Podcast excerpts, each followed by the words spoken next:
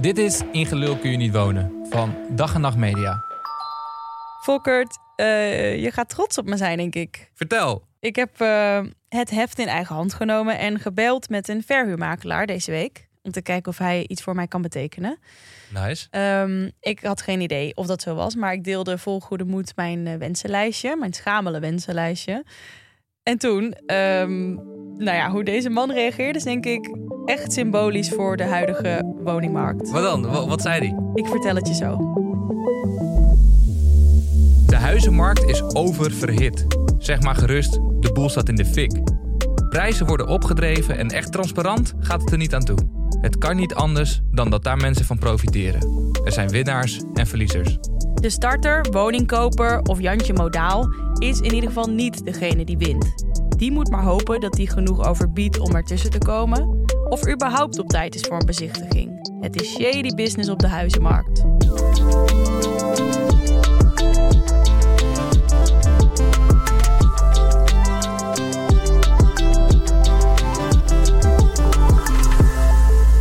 Dit is In Gelul kun je niet wonen. Een show over onze huizenjacht tijdens een huizencrisis. Ik ben Volkert Koorn en ik ben op zoek naar een koophuis. En ik ben Maaike van Leeuwen en ik zoek een huurhuis. Volg ons verhaal en luister naar gekke, opvallende of gewoon in- en intrieste woonverhalen van anderen. Want gedeelde smart is halve smart. Wij zijn jouw gids in de huizencrisis. Welke stappen kan je doorlopen bij het kopen of huren van een huis? En waar moet je rekening mee houden bij een huizenjacht? In deze aflevering vertel ik wat ik heb gedaan met het advies van huiscoach Mark Koster.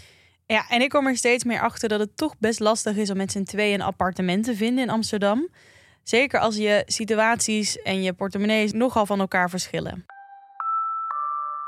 Ja, je hoort het misschien wel aan mijn stem. Ik ben een beetje verkouden. Ja, Volkert, wat is er gebeurd? Net corona achter de kiezen, maar eh, ik ben er weer. Gelukkig ben je weer net op tijd opgeknapt om hier in de studio te zitten. Ik heb het ook al gehad, dus we hoeven ons, eh, als het goed is, nergens We zijn, helemaal, we zijn helemaal safe. We zijn helemaal op één lijn ook. Ja, ik hoorde je net al een beetje worstelen over het huren van een huis alleen of het huren van een huis samen. Moet je Pepijn gewoon niet dumpen en alleen eens gaan huren? Of misschien zelfs alles op alles zetten om iets te kopen, zoals eh, Mark, onze huiscoach, zei. Ja, nou kijk, Mark heeft me natuurlijk wel aan het denken gezet. Ehm, ik wil nog steeds heel graag met Pepijn samenwonen. Ik denk dat dat ook gewoon heel leuk is. En Ja. dat we echt wel samen iets eh, kunnen vinden ook. Maar, Hij klonk ook ehm, echt als een vriendelijke guy. Ja, toch? Ja, en ehm, ja, weet je, maar wat Mark zei over... Ik weet natuurlijk ook wel dat het financieel slimmer is om iets te, te kopen. Daar gaan je maandlasten ook gewoon van omlaag. En zoals hij zei, je springt naar de, wat zei hij? Vermogende klasse? De bezittende klas. De bezittende klasse. Ehm, nou ja, eh, dat voelt ergens heel kut. eh, om dan een sprong naar de andere kant van de kloof te maken. Aan de andere Ja. kant is het ook gewoon...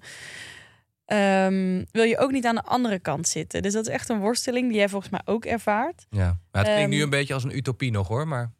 Ja, maar jij gaat er wel komen, denk ik, met eh, dat bedrag. Maar goed, daar gaan we het zo over hebben. En eh, nou, Mark heeft me wel echt aan het denken gezet over eh, de alternatieven. Maar goed, je hoort het hem ook al zeggen. Als alleenstaande wordt het gewoon heel moeilijk om te kopen. En daarbij, ik vind dat huren, eh, heb, ik heb het hier eerder over gehad, ook wel iets vrijs hebben. Hè? Je bent gewoon flexibel, je bent niet te gebonden. Dus dat is alsnog gewoon mijn uitgangspunt. Jouw vrije geest wil gewoon de ruimte hebben. maar heb je ook nog iets met mijn advies gedaan? Dat zelf initiatief nemen. Ja, dat heb ik dus. Ik vertelde in het begin over die verhuurmakelaar. Ja, Ehm, ik ben daar terechtgekomen via mijn stiefvader. Die heeft veel contacten in, eh, in de eh, bouwwereld. Eh, mijn stiefvader die kende een mannetje, die kende weer een mannetje, die kende weer een mannetje. Op een gegeven moment wist ik eigenlijk al niet meer naar wie ik ging, be- ging bellen, behalve dat het een verhuurmakelaar was, ja. ehm, die goede contacten had in Amsterdam. Ehm, en toen ik hem aan de lijn had eh, en heel voorzichtig mijn wensen opnoemde, schoot hij echt al spontaan de lach van wensen, eisen. Ehm, nou, eh, houd je lijstje maar kort. En toen dacht ik, oh ja, oké, ja, dit is het dus. Ja, hij, je mag eigenlijk geen eens een lijstje hebben. Mijn lijstje is helemaal ingekort en jij mag er niet eens, Nee, eens mag gewoon, is gewoon non-existing. Terwijl hij was al zo klein. Het was gewoon, ik wil gewoon een huis en een slaapkamer en een, nou ja, fatsoenlijke eh, keuken-badkamer. Eh, dus ik had gewoon echt minimaal een soort van berekening gemaakt met, nou, dit mag het kosten in het geval van dat ik iets voor mezelf zou willen. Dit voor mij en Pepijn. Ja. Dat moet dan ongeveer zo groot zijn, zodat je niet op elkaar schoot hoeft te zitten. Ik denk, ja, dat is toch niet te veel gevraagd. Maar hij, hij schoot gewoon in de lach. Oh, Dat het is wel triest, echt heel treurig, ja. Echt triest. Dus nou ja, ehm, ik mijn moed weer bij elkaar verzameld en toch de, eh, lijst, de- het lijstje op de mail gezet. En nu eh, afwachten of ik daar iets. eh, Hopelijk hoor je van hem. Ik ben benieuwd. En ondertussen, ik, heb, ik ben nog meer in actie gekomen. Oké, kijk aan, Ja, goed, kijk aan. Goed, ik luister wel eens naar je. Ehm, je hebt dus allemaal van die sites, waaronder Ben op zoek. Ehm, maar ook van van die grote verhuurbedrijven of woningprojectontwikkelaars. Je hebt echt van alles. Ehm, Dan heb je gewoon gegoogeld of zo. Hoe ben je daar dan terechtgekomen? Ja, gewoon googelen huurwoningen Amsterdam. Ehm, dat Ben op zoek is weer gekoppeld aan een grote woningcorporatie. Waar, en ik ken wat mensen die via die corporatie huren. Dus ze Oh ja. zeiden, je moet eens daarop kijken.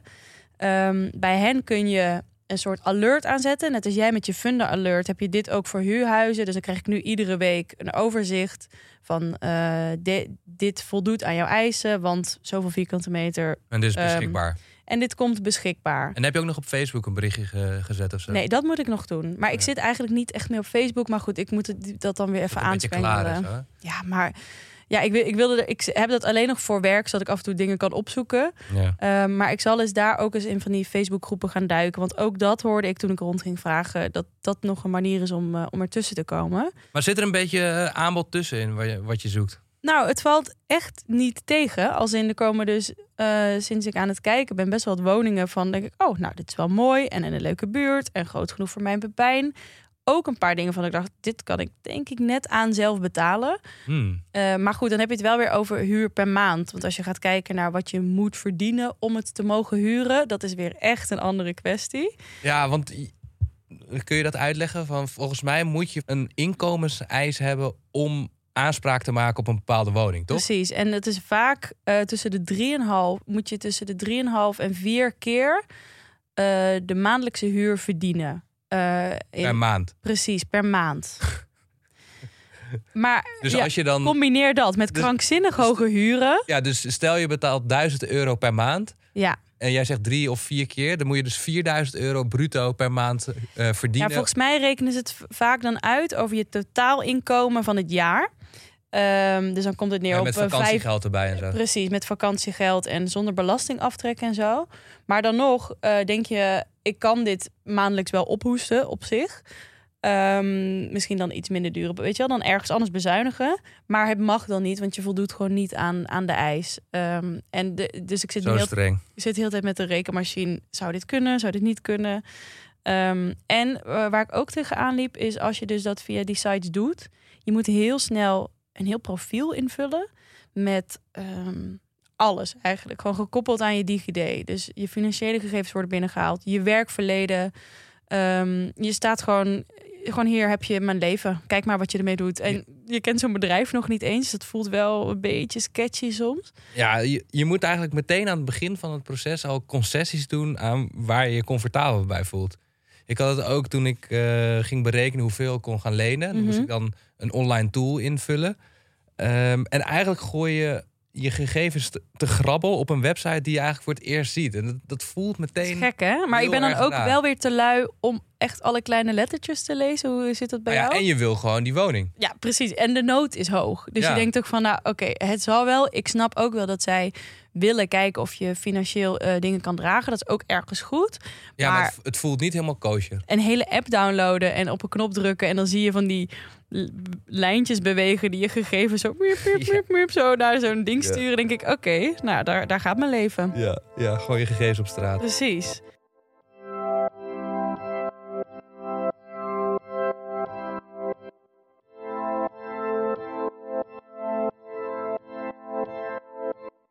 En jij dan, Volkert, wat heb jij gedaan met het advies van Mark?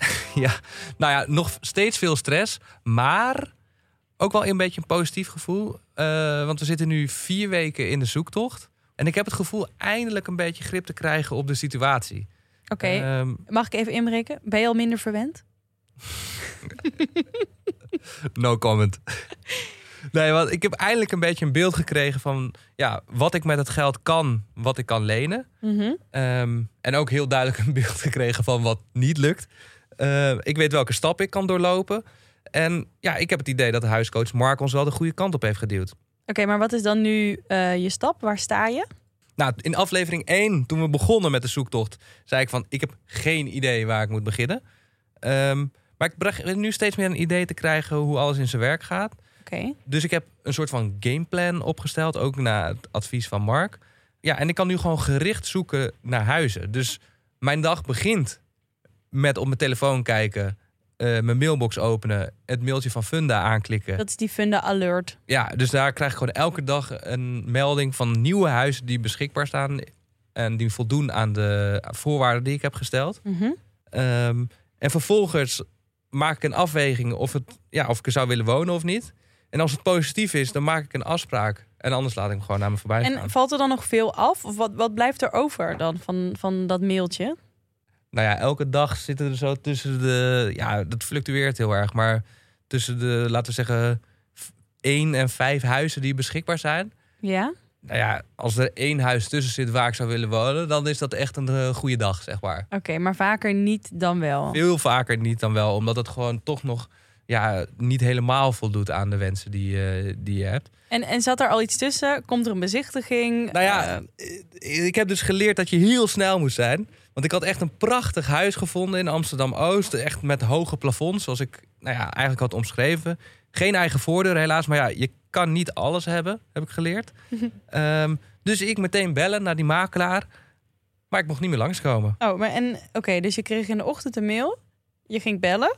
Ja. Dezelfde dag. Ja, zeg maar aan het, eind van de, aan het eind van de dag ging Oké, ja, dat is te lang. Te lang gewacht. Ik was inderdaad te laat. Er hadden al genoeg mensen zich aangemeld voor de eh, bezichtiging. En ik mocht niet meer komen. Dus ja, en die makelaars zijn streng, man. Ja? Ik vroeg nog van, eh, is er echt geen gaatje vrij? Ik ben echt geïnteresseerd. Het is echt een huis wat ik eh, graag op zou willen bieden. Kon allemaal niet. Oh, wat kut. Ja, want dat is volgens mij de manier van gewoon zo snel mogelijk bellen, huis bezichtigen en dan een, een bod plaatsen. En zo, ja, zover ben ik nog niet gekomen, maar Nee. dat is wel de weg die ik nu, eh, Die je voor je ziet. ja, die ik nu eh, voor me zie. Dus ik heb nu een bezichtiging gepland en daar ga ik volgende aflevering alles over vertellen. ik ben benieuwd hoor. En ja, ik ook. eigenlijk is het echt een wonder dat we het nog niet eerder over makelaars hebben gehad. Ja, want inderdaad, ja. eh, beleggers zijn denk ik wel vijand nummer één van de show. maar goed, daarna komt heel kort daarop volgen Maar toch wel de makelaars. de hè? makelaars. Ja. Ehm, heb jij daarover nagedacht? Want je hebt ook van die makelaars die volgens mij voor jou zaken doen. Ga, is dat iets wat jij voor je ziet? Of, ehm, Ja, echt bizar dat we het daar nog niet eerder over hebben gehad. Ik heb er natuurlijk wel over nagedacht. En ik ga je er alles over vertellen na de tune.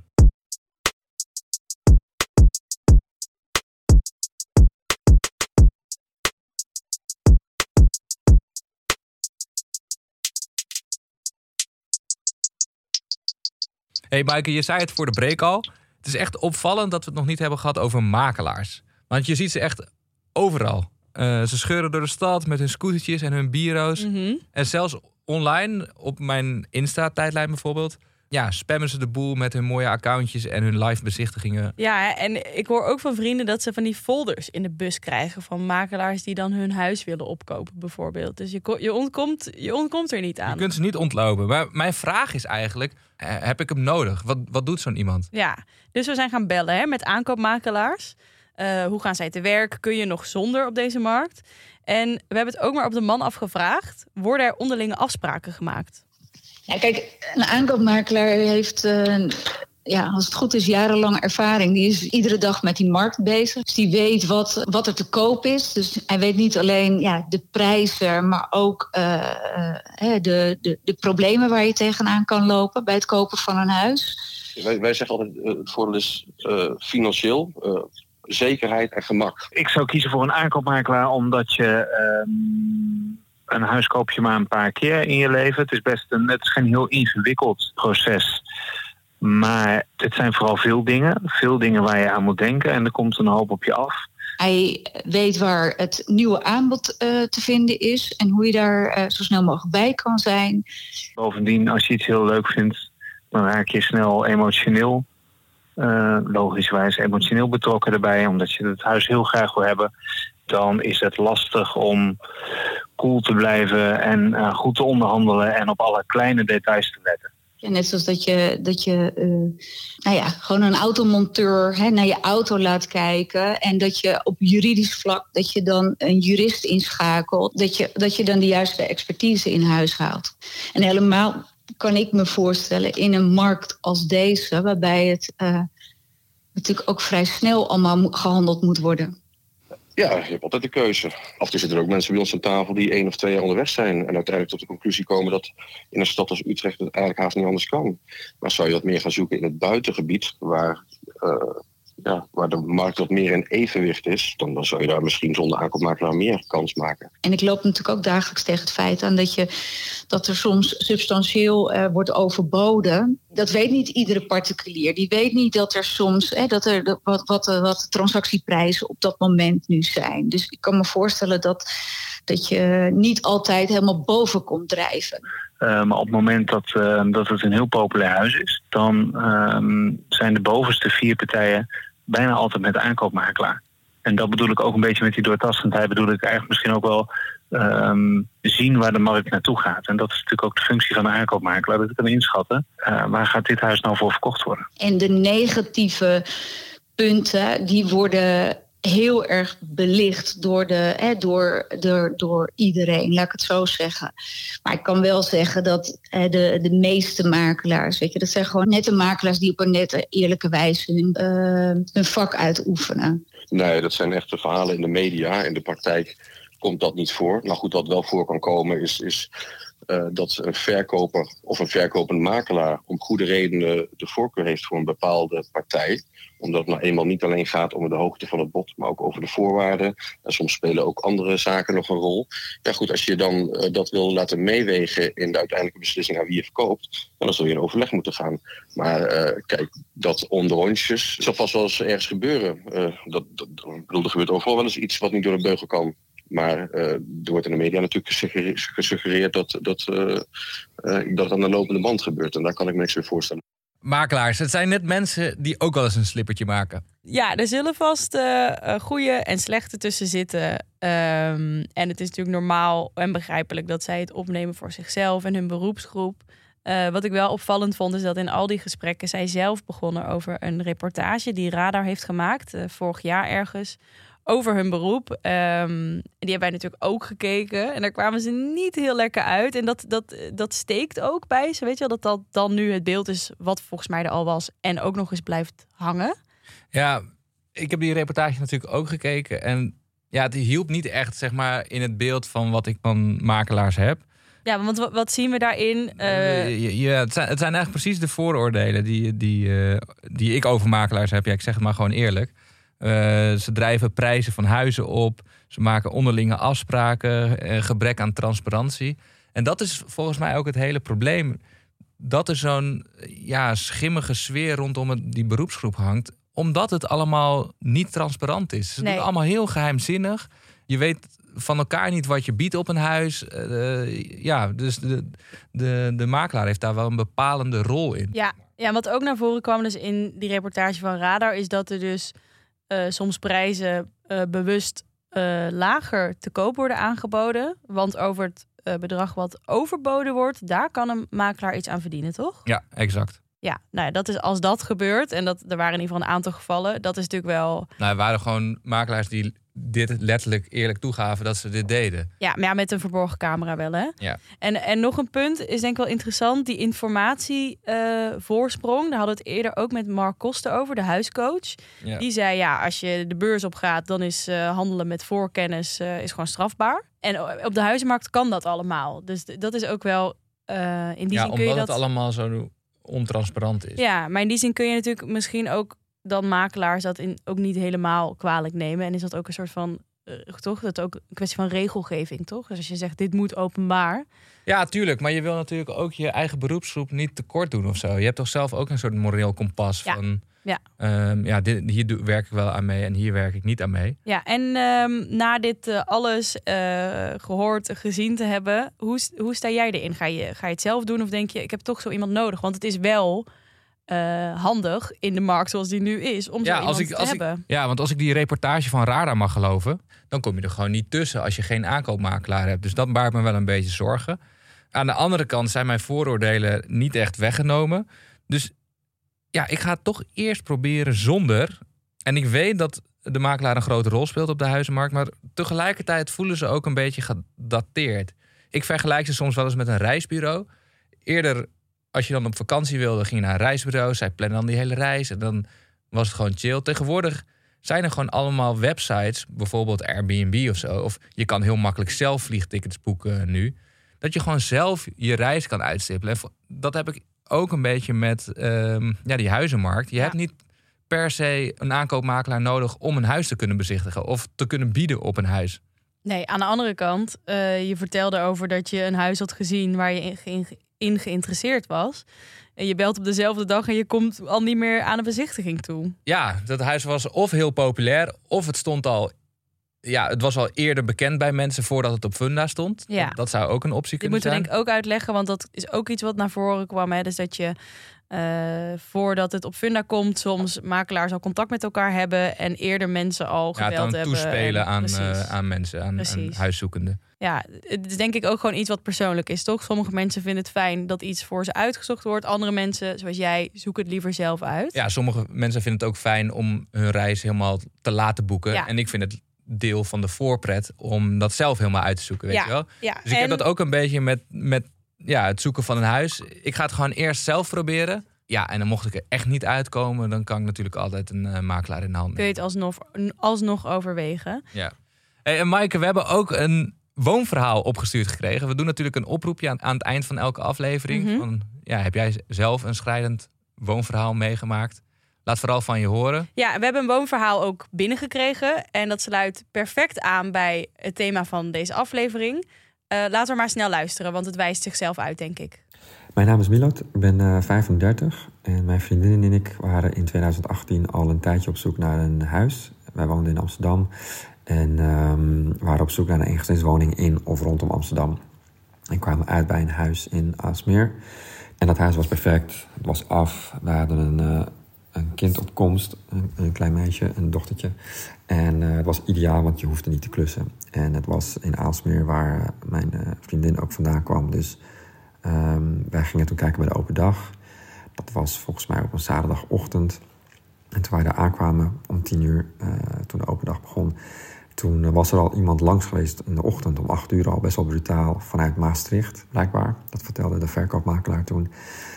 En die had dus al een soort privébezichtiging, want die was gewoon veel te vroeg. Uh, nou ja, dat vertelde de verkoopmakelaar terloops. Wij zijn verder gewoon gegaan met het bezichtigen van het huis. En uh, uh, het stel wat het huis verkocht was een jong stel. Een jongen en een meisje van halverwege de twintig, denk ik. En zij waren er ook bij, dus we hebben nog met ze gesproken. En ze vonden het eigenlijk superleuk dat, uh, ja, dat wij misschien potentiële kopers zouden kunnen zijn. Uiteindelijk hebben wij toen een bod ook gedaan, meteen toen we daar weggingen. Ik denk dat wij iets van 20 of 30.000 euro hebben overboden. Um, en aan het einde van de middag, na de bezichtiging, kregen we dus te horen van de verkoopmakelaar van jullie zijn het geworden. Um, gefeliciteerd. Uh, maandagochtend gaan we even alles regelen. Nou, oké, top. Dus mijn vriendin en ik super blij. Uh, champagne gekocht buiten op een parkbankje gaan vieren, want het was lekker weer. Uh, familie gebeld, in ieder geval de ouders en, en, en wat, wat vrienden. van we gaan maandag tekenen. en toen werden we maandagochtend gebeld dat de vader van het meisje boos de makelaarskantoor was ingelopen, omdat er blijkbaar dus een hoger bod was van diegene die dus om 8 uur s ochtends de bezichtiging was uh, gaan doen. Uh, en of wij nog, uh, volgens mij moesten wij nog 16.000 euro overbieden, bovenop onze eigen overbieding, zeg maar, om het huis te krijgen. En dat was heel raar, want het meisje en die jongen wilden het wel aan ons verkopen, maar die vader heeft er een stokje voor gestoken. En toen hebben wij daar eigenlijk gewoon vriendelijk voor bedankt om niet ja, we voelden ons gewoon gepiepeld. We dachten van ja, we laten ons niet uh, op deze manier behandelen. En toen hebben we het eigenlijk niet, uh, niet gedaan.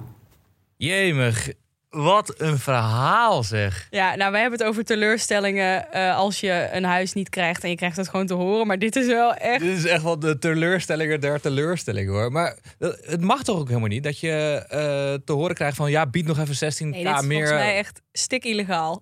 Ja, en dat die vader ook op hoge poten naar de makelaar is gegaan om hem dan ja, dus twee raar. dingen zijn erg. Die vader, zure man. Ja. Ken hem ja. niet. Misschien leuke feestjes, maar denk het niet.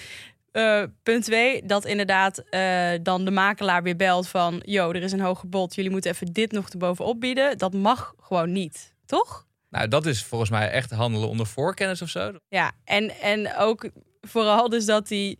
Dan zit je te vieren met een glaas champagne, je vrienden, familie Ja. gebeld... en dan moet je Kan je maandag... het je voorstellen, zeg. Je hebt je hele vriendenkring al ingelicht. Nee, Je bent al helemaal blij.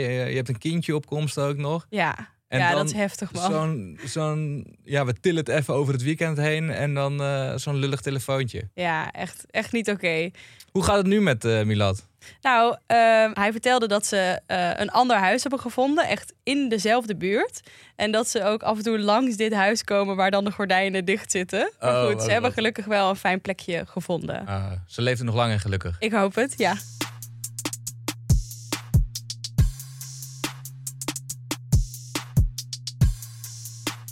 Wat hebben we eigenlijk allemaal geleerd deze aflevering? Ja, best een hoop weer volgens mij. Ik begin me iets meer wegwijs te maken in de, de wereld van huren. Ik weet steeds beter waar ik kan zoeken. Die alerts staan aan. Nou, ik heb een mannetje van een mannetje van een mannetje gevonden. Ik heb geen idee wat het op gaat leveren. Jouw wensenlijstje kan in de prullenbak. Ja, die is er, die is er al lang niet meer. Welk, welk wensenlijstje. Maar eh, nee, ik heb wel het gevoel dat ik nu beter weet waar ik moet zoeken, waar het aanbod is, of ik ertussen ga komen en hoe. Weet ik nog niet, maar wel het gevoel van iets meer controle over de situatie, omdat al die lijntjes uitstaan. Ja, Ja, chill. en jij? Ik weet dat ik op tijd moet bellen voor een bezichtiging. Nog eerder bellen. Ja, ik heb nu een beter beeld van wat een aankoopmakelaar doet. En ik heb geleerd dat ik ja, me goed moet voorbereiden op de volgende stap van mijn gameplan. Mhm. En dat is de bezichtiging. Ja, ik ben super benieuwd hoe dat gaat. Of je dan straks daar tegen het volgende jonge stel, hoopvolle stel weer aan gaat botsen of zo. Nou ja, ik ga ze het in ieder geval moeilijk maken. Arme mensen. Tot volgende week. Tot volgende week. Wij zijn echt niet de enigen die worstelen met het vinden van geschikte woonruimte. Daarom zijn we benieuwd naar jullie bizarre, grappige of gewoon in- en intreurige woonverhalen. Delen kan via Instagram en Twitter @woongelul. En daar kun je ook op de hoogte blijven van onze huizenjacht. Ik ben Volkert Koehoorn Ik ben Maaike van Leeuwen. en dit was Ingelul kun je niet wonen van Dag en Nacht Media. De muziek is van Cloak, de illustraties van Jan Rothuizen. Jullie bedankt voor het luisteren. En vond je het leuk? Vergeet dan niet op het duimpje omhoog te drukken in de Podimo-app. Hoi, Lieke hier van Dag en Nacht. Kan je net als ik ook niet wachten om te horen of Volkert een bod gaat uitbrengen? Luister dan nu al naar aflevering 5 op Podimo. En ook de rest van de serie kun je daar nu bingen. Ga daarvoor naar podimo.nl schuine streep woongelul en luister nu 90 dagen gratis naar In Gelul kun je niet wonen en andere exclusieve podcasts.